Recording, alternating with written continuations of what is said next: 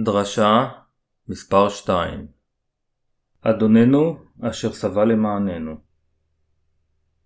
ישעיהו פרק 52 פסוק 13 פרק 53 פסוק 9 הנה ישכיל עבדי ירום ונישא וגבה מאוד. כאשר שממו עליך רבים כן משחת מאיש מראהו ותוארו מבני אדם כן יזה גויים רבים, עליו יקפצו מלאכים פיהם.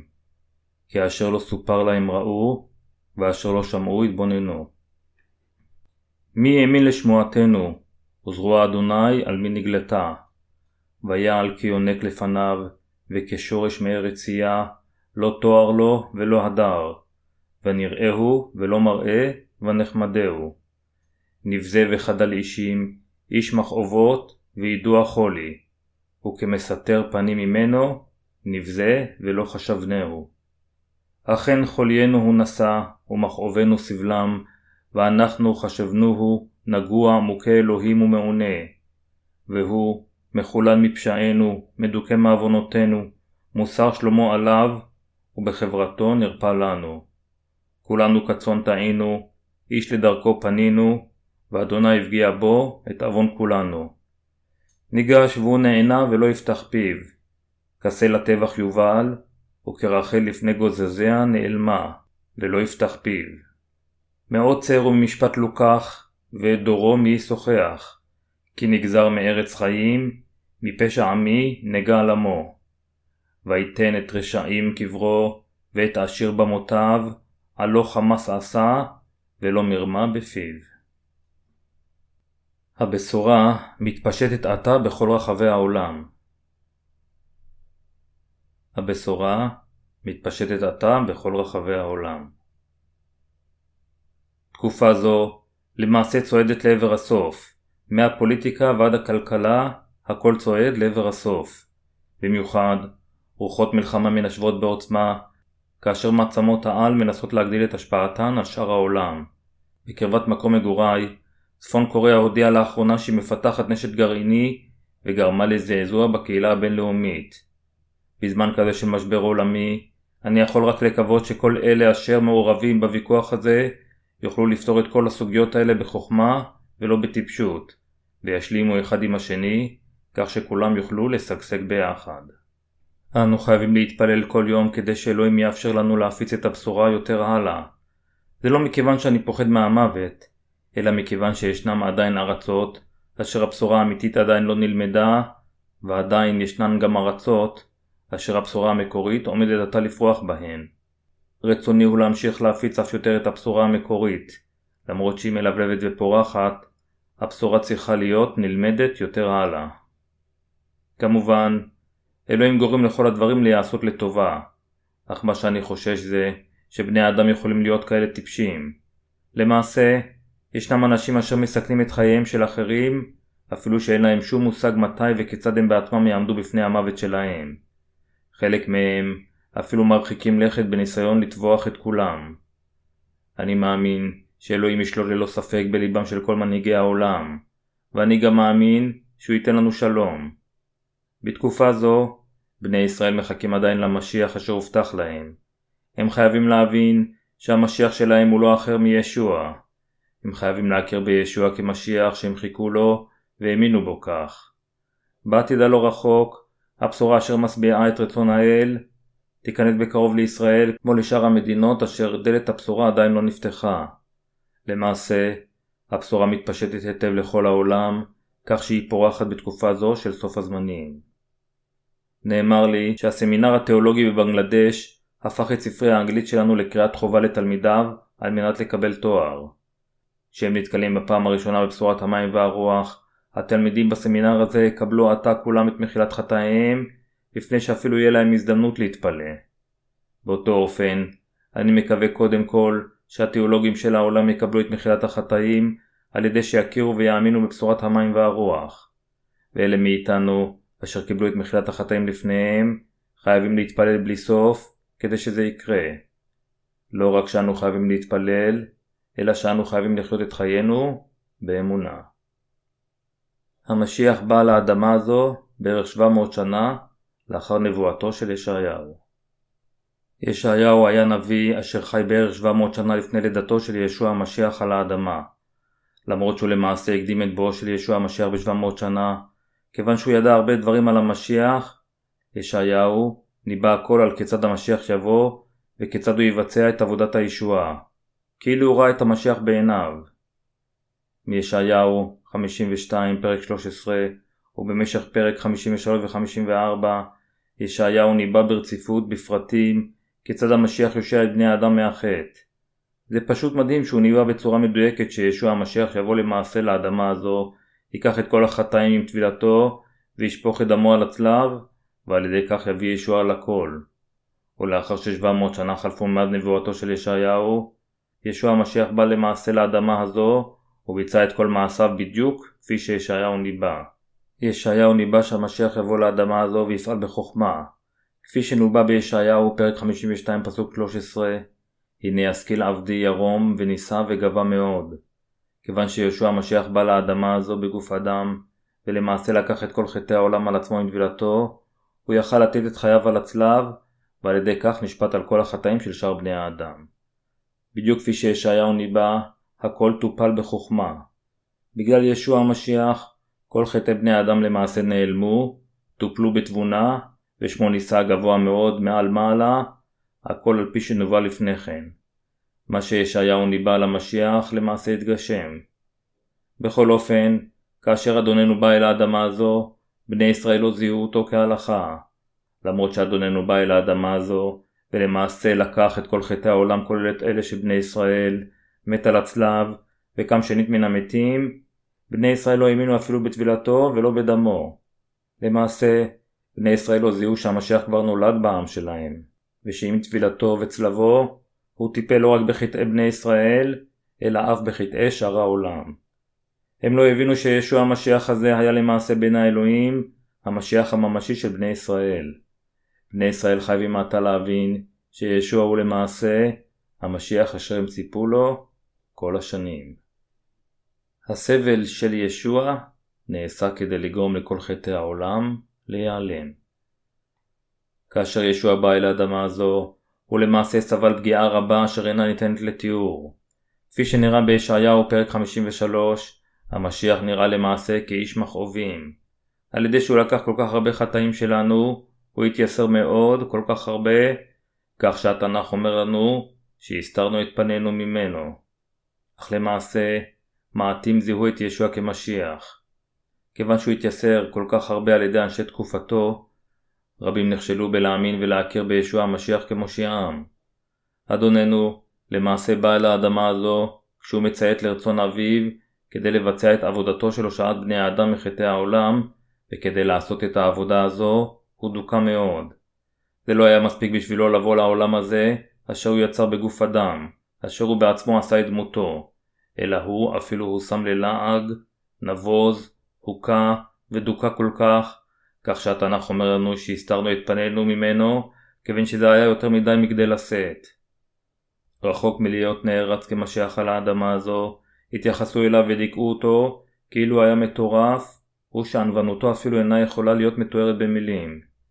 כפי שאנו מסובבים את ראשנו כשאנו רואים מישהו אשר מושפל מאוד ונבוך, המשיח כה דוכא לפני יציריו, כך שבני ישראל בזמן ההוא הסתירו את פניהם ממנו.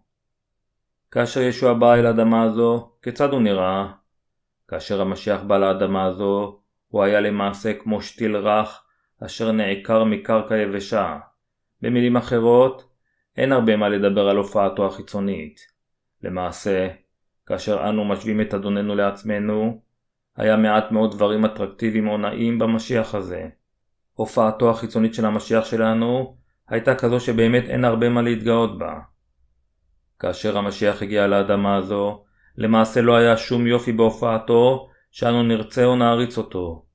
אך בלי קשר להופעתו זו, כמשיחנו, הוא טיפל בפיקחות, קיבל את הנחת הידיים מיוחנן כדי לקחת את כל חטאינו על גופו בהתאם לשיטת ההקרבה, נצלב ושפך את דמו, קם מן המתים שוב, ועל ידי כך הושע את כולנו מחטאינו. כיוון שהמשיח הזה לקח על עצמו את כל חטאינו על ידי שהוטבל בידי יוחנן, הוא יכל להצלב ולשפוך את דמו למעננו.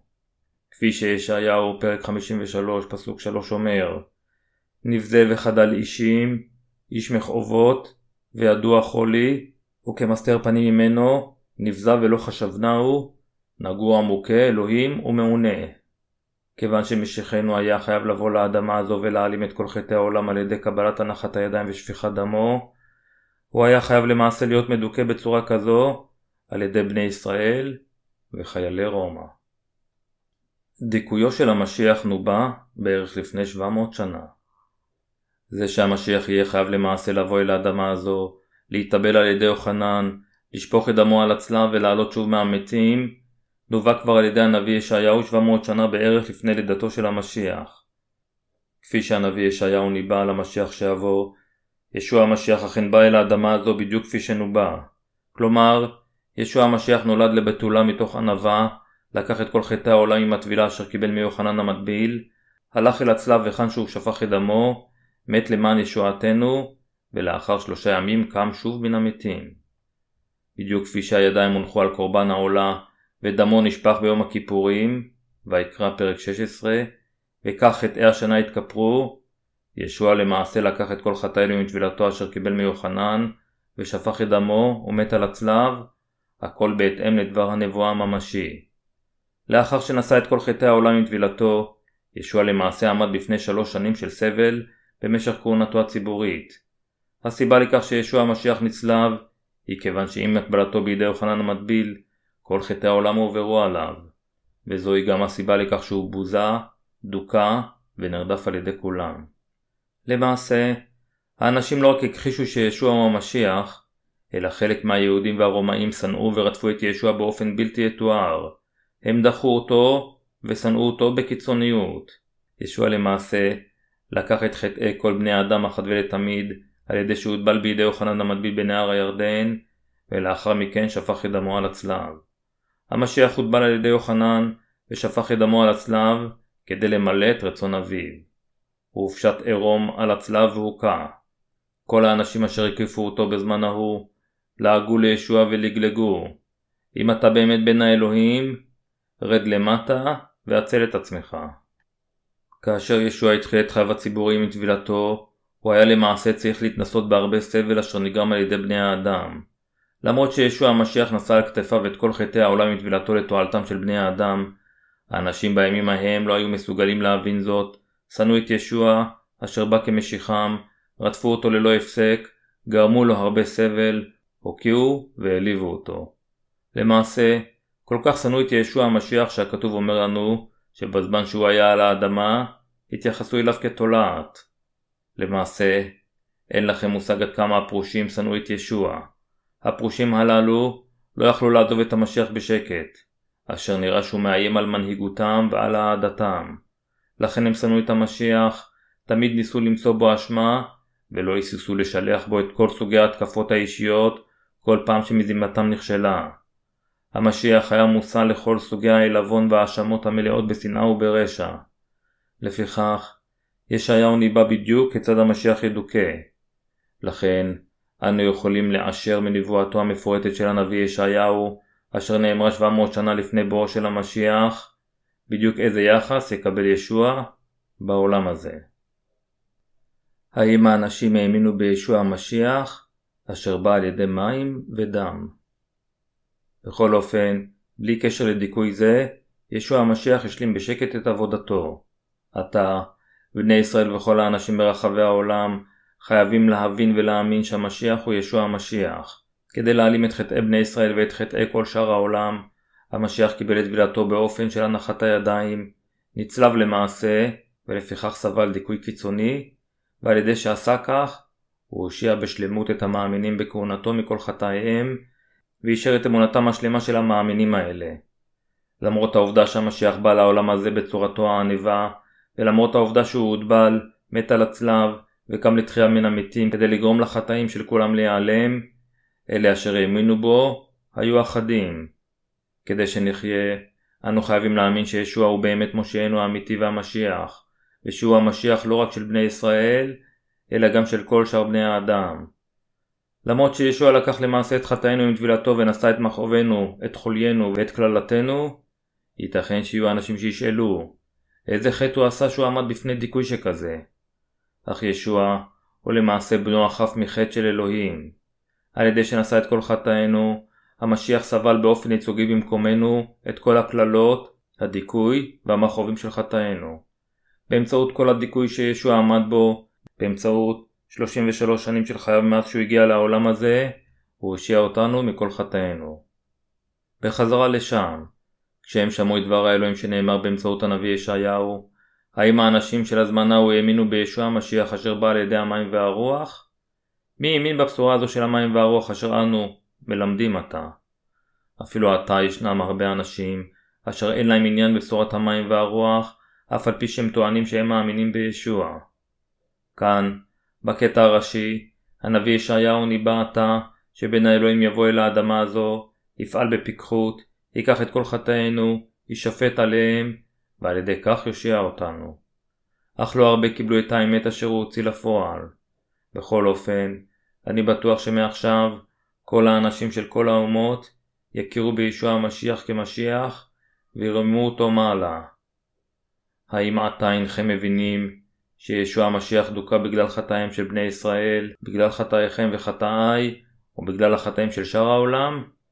ישעיהו הנביא אשר רצה שתדעו זאת ותאמינו בכך, ניבא על כהונתו של המשיח בדרך זו. המשיח היה כשורש מארץ צייה. כך הנביא ישעיהו ניבא על ביאתו של ישוע המשיח, שכאשר הוא יבוא אל אדמה זו, הוא יבוא בדמות מעוררת רחמים.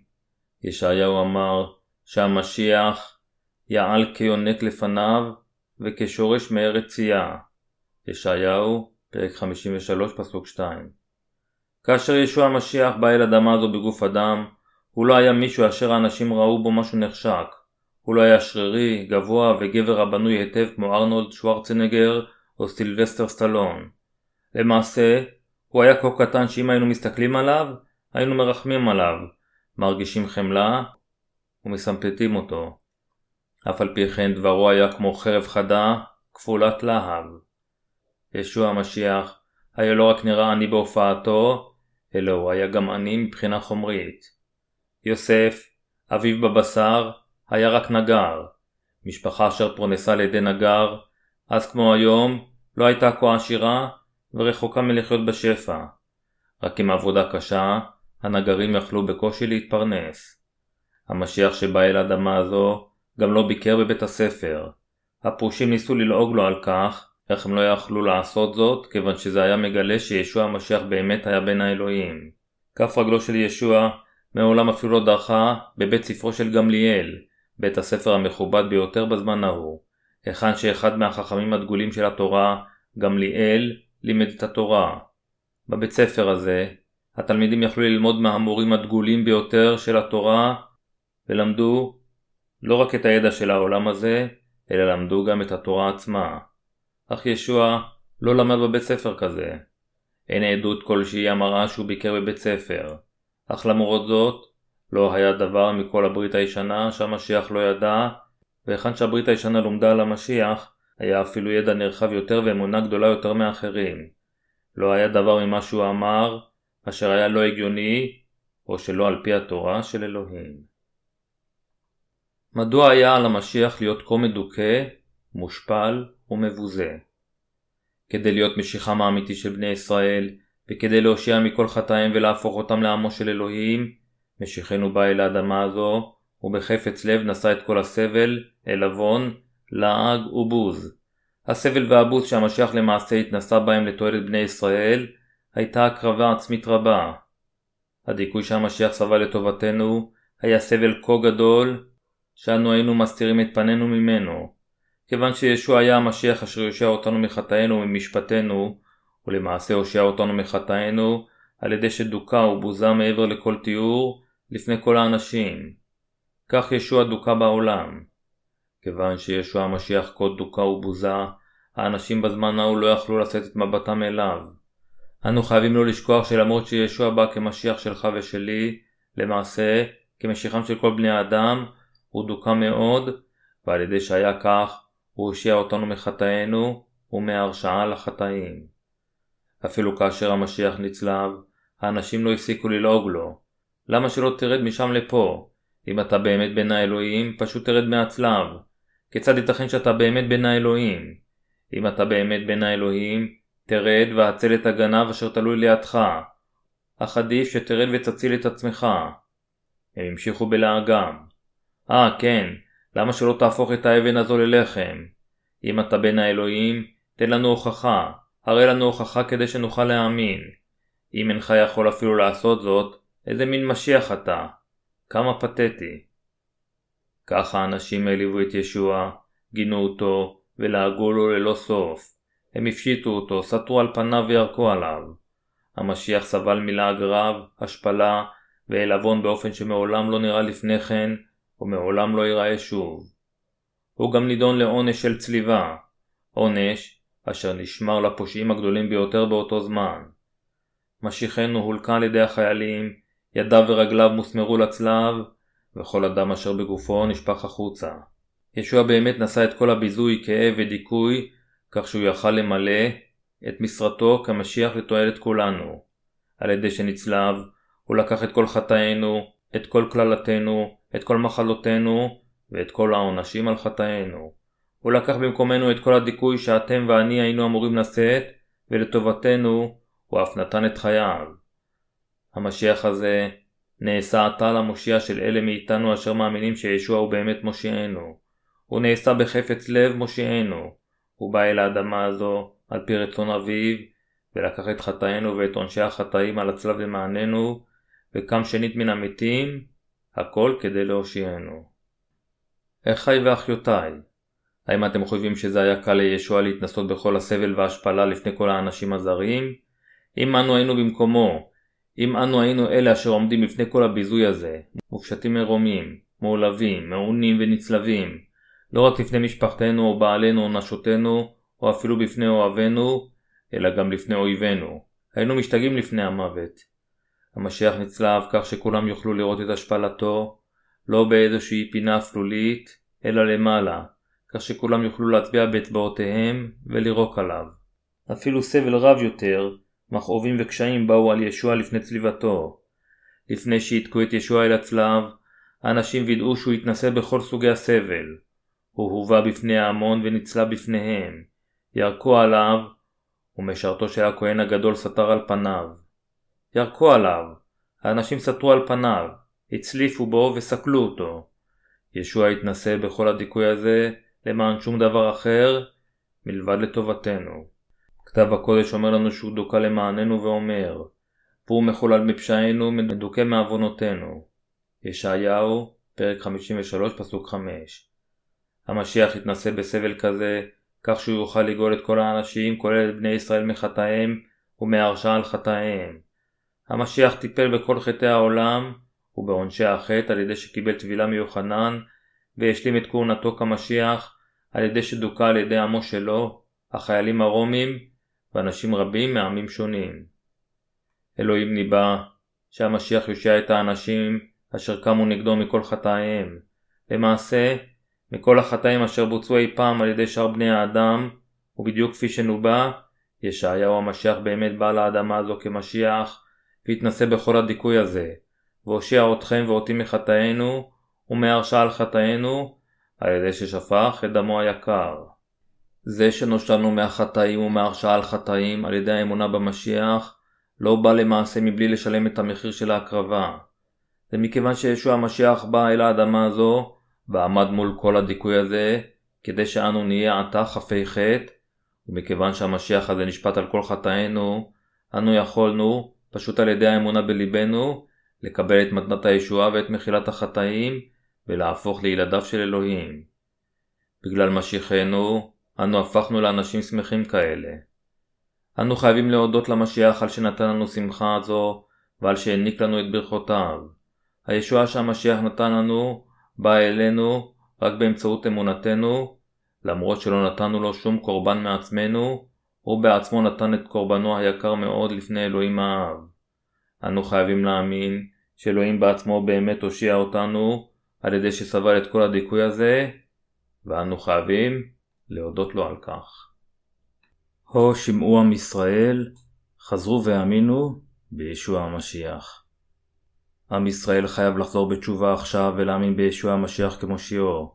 אפילו עד עכשיו, בני ישראל עדיין אינם מכירים בישוע כמושיעם אשר כבר בא. בדיוק כפי שנובע על ידי הנביא ישעיהו, שהמשיח, משרתו של אלוהים, יבוא אל האדמה הזו, או בדיוק כפי שדבר הנבואה הזה נובע אלינו שמשיח הזה יבוא אל האדמה הזו, יושיע את כולנו על ידי שיקח את כל חטאי בני האדם עם טבילתו ועם צליבתו על הצלב, ישוע המשיח אכן ביצע את כל עבודת הישועה. עם ישראל חייב עתה לחזור, לדעת ולהאמין באמת הזו. הם חייבים להודות בחטא אשר העם שלהם עשה כשצלבו את ישוע, והם חייבים להכיר בעצמם שהם מלאים חטאים מלידתם, ועתה על ידי אמונתם במשיח הזה, עליהם להיוושע מכל חטאיהם ומהרשעה על החטא. אין שום משיח אחר. כיוון שישוע המשיח הופיע כבר כמשיח, אין שום משיח אחר. כיצד יכול להיות שיש משיח אחר? כיצד יכול להיות מושיע אחר? כאשר עם ישראל התנסה בקשיים הגדולים יותר, האם הם מצפים שאיזשהו גיבור פעולה הוליוודי כמו סופרמן יופיע ויהיה משיחם? אפילו מעכשיו, עם ישראל חייב להכיר בישוע המשיח כמשיחו. הם חייבים להאמין שישוע המשיח הוא באמת המשיח האמיתי שלהם. משיחם כבר בא אל אדמה זו לפני אלפיים שנה, וכדי לקחת את חטאיהם, וכדי לעשותם לילדיו האמיתיים של אברהם, הוא הוטבל בדיוק כפי שהם היו חייבים להיות נימולים, ונצלב, הכל כדי שהם יקבלו את המילה הרוחנית. המשיח נעשה למושיעם האמיתי של עם ישראל, על ידי שלקח את חטאיהם עם טבילתו בידי יוחנן, נשא אותם אל הצלב, ושפך את דמו כדי להיות מדוכא, ולקום מן המתים מחדש. עם ישראל חייב לחזור בתשובה, כדי להאמין במשיח. הם חייבים להאמין עתה בישוע המשיח כמושיעם. הם חייבים להבין שהמשיח אשר נובע על ידי ישעיהו, הוא ישוע המשיח הזה. הם חייבים להאמין ולהבין שזה שנובע עליו הוא לא אחר מישוע עצמו.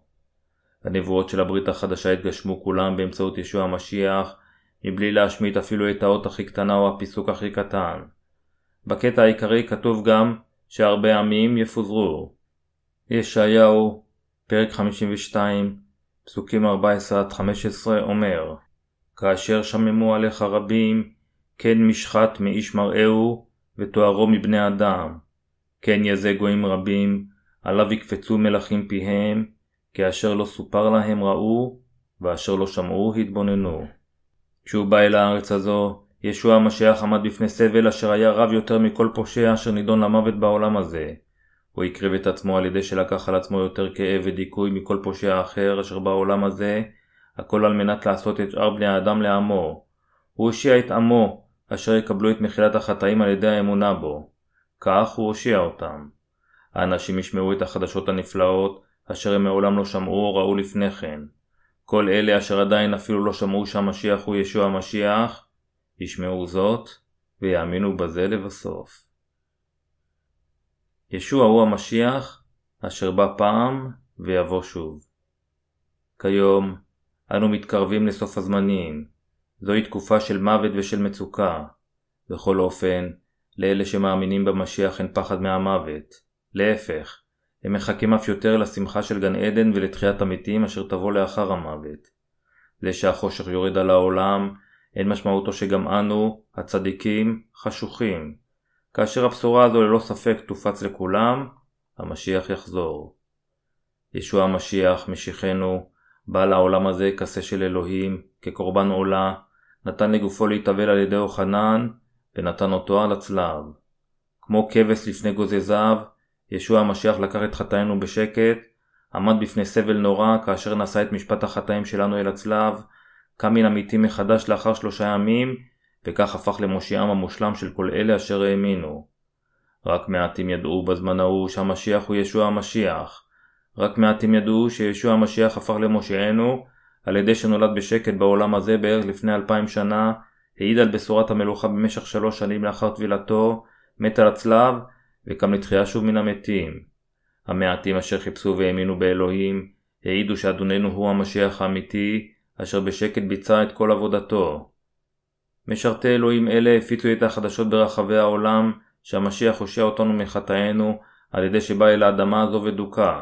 למעשה, אלוהים בעצמו מפיץ את בשורת המים והרוח, על ידי שהוא אפשר לטכניקת הדפוס להתקדם, על ידי שהוא הזיז את ההיסטוריה של העולם ועשה את האומות המלמדות את הבשורה הזו חזקות ועשירות. ישוע הוא המשיח, ישוע הוא המשיח, ישוע הוא המשיח. אם תאמינו בישוע כמשיחכם, תיוושעו. ישוע הוא בן האלוהים. ישוע הוא הבורא אשר יצר את כל התבל. הוא אלוהים. הוא המשיח מושיענו. משרתי אלוהים ממשיכים ללמד את האנשים שישוע הוא המשיח, וגם על טבילתו, מותו על הצלב ותחייתו. כמה צעירים מבני ישראל הבינו זאת לפני אלפיים שנה. איש צעיר בשם ישוע בא אל האדמה הזו, וכאשר הוא היה בגיל שלושים, הוא לקח את כל חטאי בני האדם על ידי שהוטבל בידי יוחנן. בזמן ההוא, רק תלמידיו של ישוע ידעו שהוא היה המשיח. וליד הזה, היו שותפים רק חופן אנשים אשר באמת חרדו מאלוהים. כל השאר המשיכו להתעלם מהאמת הזו. בסך הכל, היו בערך רק 500 קדושים בעם ישראל, אל הקורניתיים פרק 15 פסוק 6, אשר ידעו שהמשיח נשא את חטאי העולם אל הצלב, לכל השאר לא היה מושג. ביום החמישי מאז מותו של ישוע המשיח ותחייתו, רוח הקודש ירדה ממש על תלמידיו. כאשר תלמידי ישוע התפללו בחדר העליון, רוח הקודש באמת ירדה עליהם, וגרמה להם לדבר בלשונות, והעידה שהמשיח הוא ישוע המשיח.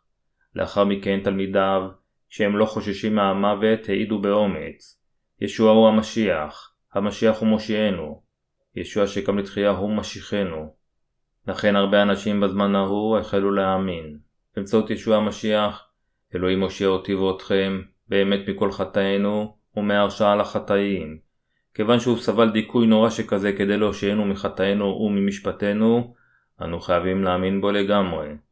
אלה שאינם מאמינים, חייבים כולם לחתור בתשובה וגם להאמין, ואנו כולנו חייבים להפיץ את האמת הזו באמונה. עם ישראל למעשה, עתה מפוחד ונמצא במצב מתוח בצורה קיצונית. לכן הם חייבים לשמוע את דבר המשכן הזה שאלוהים למעשה דיבר אליהם. אנו גם נכנסים לתקופת סוף הזמנים. בשורת המים והרוח אשר נראית בשיטת ההקרבה של המשכן, בטוח תעשה את דרכה לעם ישראל. הם, גם, יתחילו להאמין שישוע המשיח הוא למעשה המשיח שאלוהים סיפר להם עליו. אלוהים כבר אמר לבני ישראל על שיטת ההקרבה והם האמינו בה. למעשה, הם עדיין משתוקקים להקריב לאלוהים על פי שיטת ההקרבה של המשכן. מתוך עם ישראל, ישנם עדיין פונדמנטליסטים אשר חיים במדבר. אפילו עתה אנשים אלה חיים במדבר ומקריבים בדרך זו. הם, במילים אחרות, מקריבים את סוג העולה אשר פעם הייתה מוקרבת במשכן. ייתכן שהם צאצאיו של אהרון. כדי לשמור על מסורת משפחתם, הם חיים במדבר במקום בעיר, למרות שהם מעם ישראל, הם חיים כשבט בודד ומבודדים משאר האנשים הרגילים. למעשה, גם את האנשים האלה אנו חייבים ללמד את דבר המשכן, ושהמשיח כבר בא אלינו, והושיע אותנו על פי אמונתנו. אנו חייבים להודות לישוע על שבא אל הארץ, ועל שבמקומנו דוכא ונשפט, הכל על מנת כדי להושיע אתכם ואותי, כמושיענו, מחטאינו, ומהרשעה על החטא. כי עזה כמוות האהבה, קשה כשאול קנאה. זה שאנו למעשה נושענו מכל חטאינו ומדין החטאים, לא בוצע במקרה כמו העברה מקרית של דואר. ישועתנו אינה איזשהו מכתב שרשרת אשר ממשיך להגיד לנו שאנו חייבים להעביר אותו ליותר מ-20 אנשים, או שיחרט גורלנו. גם ישועת מחילת החטאים היא לא כמו אחד מעלונים רבים אשר מפרסמים קנייה של שתי פיצות במחיר אחד, היכן שאנו יכולים פשוט להתקשר ולמלא את בטננו לשביעות רצון ליבנו. ישועתנו, לאמיתו של דבר, באה על ידי שאלוהים שלח את בנו אלינו, על ידי שהעביר את כל חטאינו עליו, ועל ידי שגרם לו להיות מדוכא ולסבול על כל החטאים האלה שלנו. זוהי הסיבה שאתם ואני חייבים להאמין בו בכל לב ולהודות לו. כשאנו יודעים כיצד ישועתנו הושגה, כיצד מישהו מאיתנו יכול לזרוק אותה כזוג נעליים משומשות, לשים אותה בצד כמו כלי שבור חסר ערך בעליית הגג, או להתעלם ממנה כאילו היא שייכת למישהו אחר. האם יש מישהו מכם אשר למרות שהוא מבקר בכנסיית האל, עדיין לא קיבל את מחילת החטאים? האם יש מישהו למעשה אשר עדיין לא מאמין בבשורת המים והרוח? אם יש באמת אנשים כאלה, הם כולם חייבים לחזור בתשובה ולהאמין במשיח לפני שיהיה מאוחר מדי. אם אתם אבודים ואינכם בטוחים באיזה דרך לבחור, פשוט האמינו בדבר האמת בכל לבכם. אלה אשר לא מאמינים דוחים את אהבתו של בן האלוהים, האהבה אשר איתה הוא הושיע אותם על ידי שהתנסה בכל הסבל הזה, למען שום דבר אחר מלבד לטובתנו. אלה אשר מעריכים שלא כראוי את ערך אהבתו ודוחים אותה, יכוללו. כתב הקודש אומר לנו, כי עזה כמוות האהבה, קשה כשול קנאה. שיר השירים, פרק 8, פסוק 6. אהבתו של אלוהים היא כה גדולה וחזקה, כך שהיא מביאה את העונש האכזרי ביותר לאנשים אשר דוחים אותה עד הסוף. במילים אחרות, אם מישהו למעשה מת כאשר הוא עדיין חוטא, הוא יסבול כאב אכזרי של גיהנום כמו השאול. שנאה היא אכזרית כמו השאול. כאשר המשיח אהב אתכם כל כך ולפיכך הוטבל, שפך את דמו וסבל את כל סוגי הדיכוי, הכל כדי להושיע אתכם, אם אינכם מאמינים באהבה זו ודוחים אותה, אתם ללא ספק תסבלו את הכאב האכזרי הזה, כלומר גיהנום. לפיכך אלוהים אמר, וכאשר נגזר על בני האדם פעם אחת המוות, ואחריו הדין. אל העברים, פרק 9, פסוק 27. כאשר נמות, בשרנו אולי מת, אך לפני אלוהים זה לא הסוף שלנו.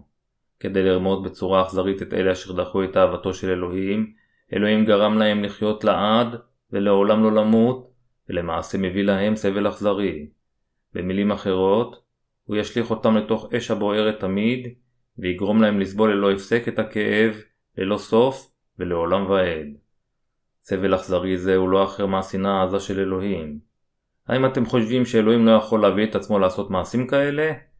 אל תשכחו שאין שום דבר בלתי אפשרי בשביל אלוהים. אהבתו הגדולה והמרבית של אלוהים אלינו באה על ידי שהוא סבל לטובתנו, הושע אותנו מכל קללותינו, מכל חטאינו ומכל הרשעותינו. מה שיכול לפתור את בעיותכם היא האהבה הזו של המשיח. למעשה, אין דבר נפלא יותר מאהבתו של המשיח.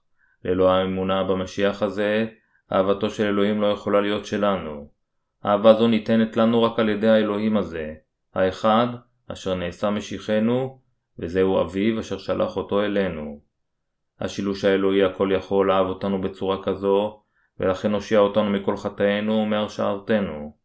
זוהי הסיבה מדוע אנו חייבים להאמין במשיח, מדוע אנו חייבים להודות לו, מדוע אנו חייבים להלל אותו, ומדוע אנו חייבים להיות מרוצים מאמונתנו במשיח הזה.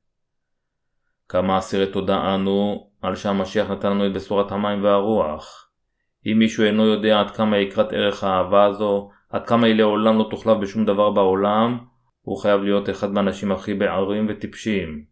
כמה סבל נורא ומכאוב אדוננו התנסה למעננו, כיוון שאנו כה אסירי תודה על אהבתו, למרות שאנו לא מושלמים, אנו עדיין מקדישים את כל כוחנו שנשאר להפצת אהבה זו לאלה אשר נשארו בורים לגביה. כדי לעשות עבודת אלוהים כזו, אנו גם חייבים לעמוד בקשיים וסבל. איננו יכולים לחפש שגשוג רק לעצמנו. אם באמת נושענו על ידי שקיבלנו את אהבת ההקרבה שלו והתכסינו עימה, אנו חייבים לחלוק עם אחרים את האהבה הזו.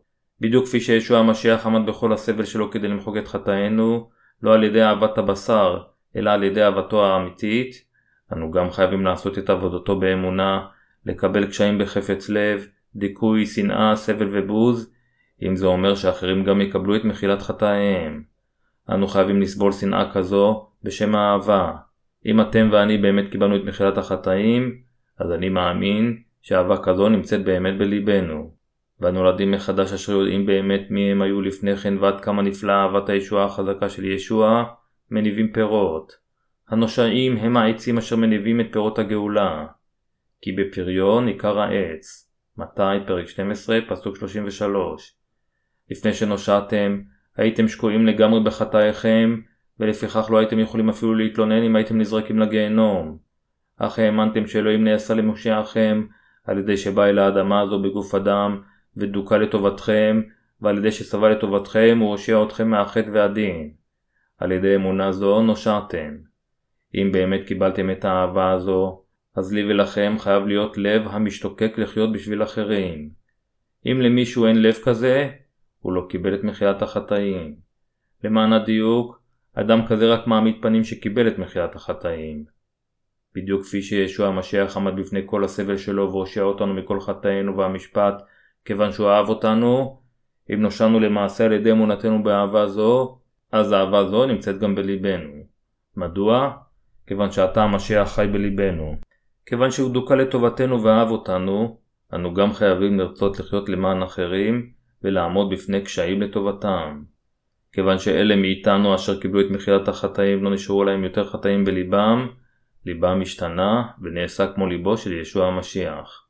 אני מודה לישוע המשיח שבא לאדמה הזו, על שהוטבל ושפך את דמו על הצלב, על שקיבל את כל הסבל לטובתנו, ועל ידי זה נעשה למשיחנו, אשר הושיע אותנו מכל חטאינו.